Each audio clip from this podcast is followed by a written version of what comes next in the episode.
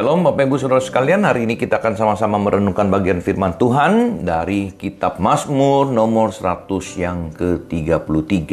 Saudara sekalian, Mazmur 133 memberikan kita gambaran tentang betapa berharga nilai hidup bersatu dan rukun. Sesuatu yang berharga tidaklah mudah diperoleh. Seringkali harus dengan perjuangan yang berat bahkan perlu pengorbanan yang besar. Di sini pemazmur menggunakan dua kata untuk menggambarkan kesatuan ini yaitu kata baik dan indah atau menyenangkan dan juga dibandingkan dengan dua hal yaitu minyak dan embun untuk menggambarkan betapa berharga dan menyegarkan jiwa. Nah, tiga hal yang akan kita renungkan bersama-sama pada hari ini saudara melalui Mazmur nomor 133 ini. Sebab itu mari kita datang ke hadapan Tuhan, kita minta pimpinan Roh Kudus mencelikkan mata rohani kita dan kita dapat mengerti akan firman ini dan melakukan dalam hidup kita. Mari kita berdoa. Bapa di surga, terima kasih. Anugerah penyertaan pimpinan daripada Tuhan bagi kami orang yang berdosa, namun Tuhan sudah menyelamatkan kami. Sifat-sifat karakter-karakter yang tidak berkenan kepada Tuhan dari manusia yang lama telah diubahkan ya Tuhan. Sehingga kami dapat melakukan firman Tuhan oleh sebab itu ketika kami membaca firman ini ya Tuhan secara khusus tentang kesatuan dan kerukunan dalam kami hidup bersama, Tuhan juga menolong kami untuk mengerti apa yang menyenangkan hati Tuhan dan apa yang mendukakan hati Tuhan. Berkati hambamu dalam menyampaikan, menjelaskan bagian firman ini. Dalam nama Tuhan Yesus Kristus kami berdoa. Amin. Saudara sekalian di dalam bagian ayat yang pertama saudara kita melihat satu kalimat yang pendek, namun menyatakan kepada kita betapa nilai, betapa bernilainya kesatuan dan kerukunan itu. Nah, saudara di sini digambarkan. Jadi hal yang pertama bagi kita hari ini adalah kesatuan dan kerukunan itu sangat baik dan menyenangkan. Ya, di sini dikatakan sangat baik dan menyenangkan. Saudara kalau kita melihat di dalam terjemahan bahasa Indonesia, memang di sini tidak terlalu nyata. Di sini hanya dikatakan sungguh alangkah baiknya dan indahnya. Namun saudara ketika kita melihat di dalam bahasa asli atau di dalam terjemahan beberapa eh, bahasa yang lainnya, di sini ada saudara misalnya di dalam bahasa Inggris di situ dikatakan behold, behold, perhatikan, perhatikan. Di dalam bahasa Mandarin dikatakan kana, kan, Ya, perhatikan dengan seksama. Jadi bukan hanya sekedar diajak untuk kita melihat, ya, tetapi di sini perhatikan. Behold itu more than see. Jadi sini katakan perhatikan dan bahkan saudara di dalam kalimat itu dikatakan betapa baiknya dan betapa indahnya kalau dalam bahasa aslinya. Ya, betapa baiknya dan betapa indahnya. Diulang saudara kata betapa ini. Nah, saudara di sini untuk menggambarkan kepada kita bahwa sebenarnya betapa baiknya dan indahnya itu ketika saudara-saudara diam bersama dengan rukun. Jadi kerukunan ini, kesatuan itu demikian baiknya, demikian pentingnya sehingga pemazmur di sini mengajak orang-orang untuk melihat seolah-olah dia berseru, "Lihatlah dan rasakan kebaikan dan kesenangan yang ada di dalam komunitas orang-orang yang hidup bersama dan rukun. Lihat, lihat dan rasakan. Saudara sekalian, adakah saudara merasakan kebaikan dan kesenangan di dalam hidup bersama dengan orang lain? Mungkin hidup bersama dengan orang tua, dengan anak, dengan pasangan kita, dengan teman sekolah, teman kerja, sesama jemaat, rekan sepelayanan di gereja. Saudara, ada orang yang suka komplain. Yang ini dia komplain, yang itu dia tidak cocok, yang ini dia semuanya ribut. Ya, berantem sama si A, berantem sama si B, ke mana-mana, semuanya orang itu jelek di mata dia.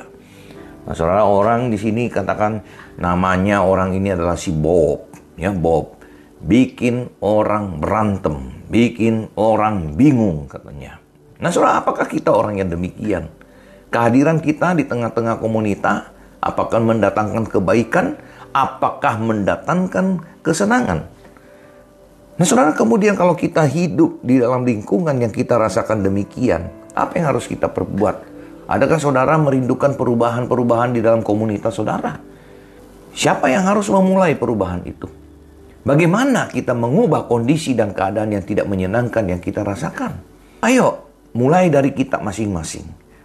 Dalam kitab Roma pasal yang ke-12 ayat 18 Paulus mengatakan, Sedapat-dapatnya, kalau hal itu bergantung padamu, hiduplah dalam perdamaian dengan semua orang. Jika itu bergantung kepada kita, ke mana engkau mau mengarahkan hidup bersama ini? Kita mau ribut terus atau kita mengupayakan pendamaian.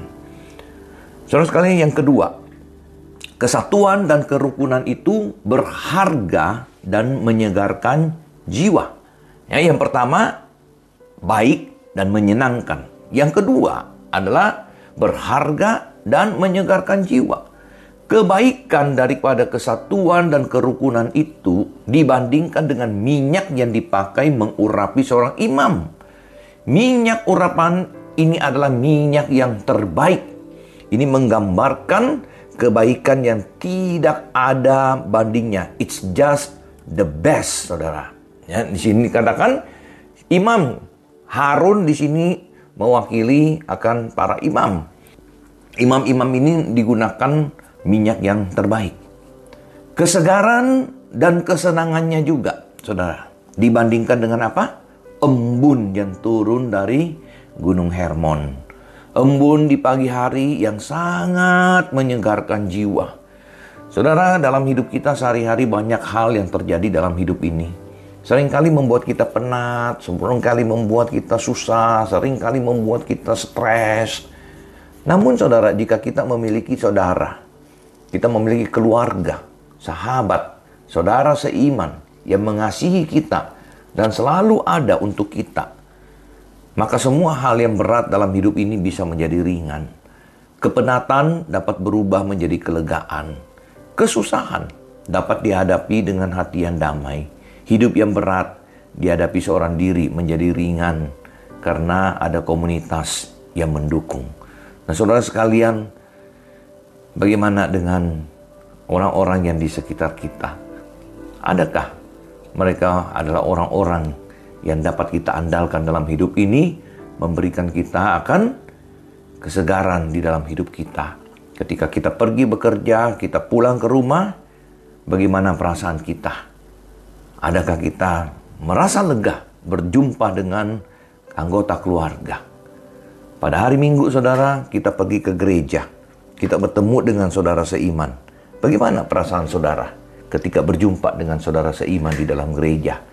Ketika kita melayani bersama-sama, adakah sukacita itu kita rasakan? Saudara yang ketiga, kesatuan dan kerukunan itu adalah tempat di mana Tuhan mencurahkan berkat.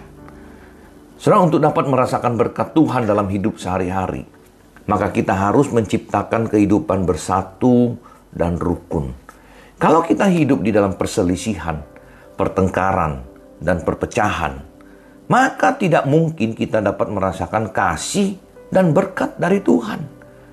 Semakin kita bersatu dan rukun, maka semakin nyata anugerah dan berkat Tuhan yang kita rasakan. Kita mengampuni karena kita telah menerima dan rasakan anugerah pengampunan dari Tuhan Yesus. Dan ketika kita mengampuni, kita dapat merasakan hati Yesus yang juga telah mengampuni. Saudara, ketika kita tidak bisa mengampuni orang, maka sebenarnya kita tidak pernah merasakan akan hati Tuhan Yesus itu. Nah, saudara merasakan hati Yesus itu adalah satu harga, sesuatu berkat anugerah yang demikian besar. Ini adalah berkat yang luar biasa, saudara. Semakin banyak kita melakukan perintah Tuhan, semakin kita mengenal hati Tuhan Yesus. Dan kita akan terus bertumbuh makin serupa Yesus, meneladani hidupnya. Kita tidak pernah mengenal apa arti pengampunan daripada Yesus kalau kita tidak mengampuni orang. Ada orang yang mengatakan, saya tidak dapat mengampuni teman saya, saya tidak dapat mengampuni keluarga saya. Mereka tidak layak diampuni. Nah, saudara, orang yang demikian tidak dapat merasakan berkat Tuhan yang dicurahkan dalam hidupnya. Bagaimana dia dapat merasakan hati Tuhan yang mengampuni dia? Namun ketika saudara orang ini rela belajar mengampuni, memaafkan. Nah, pada saat itulah dia mengerti kasih, pengampunan, anugerah yang Yesus telah berikan kepada dia.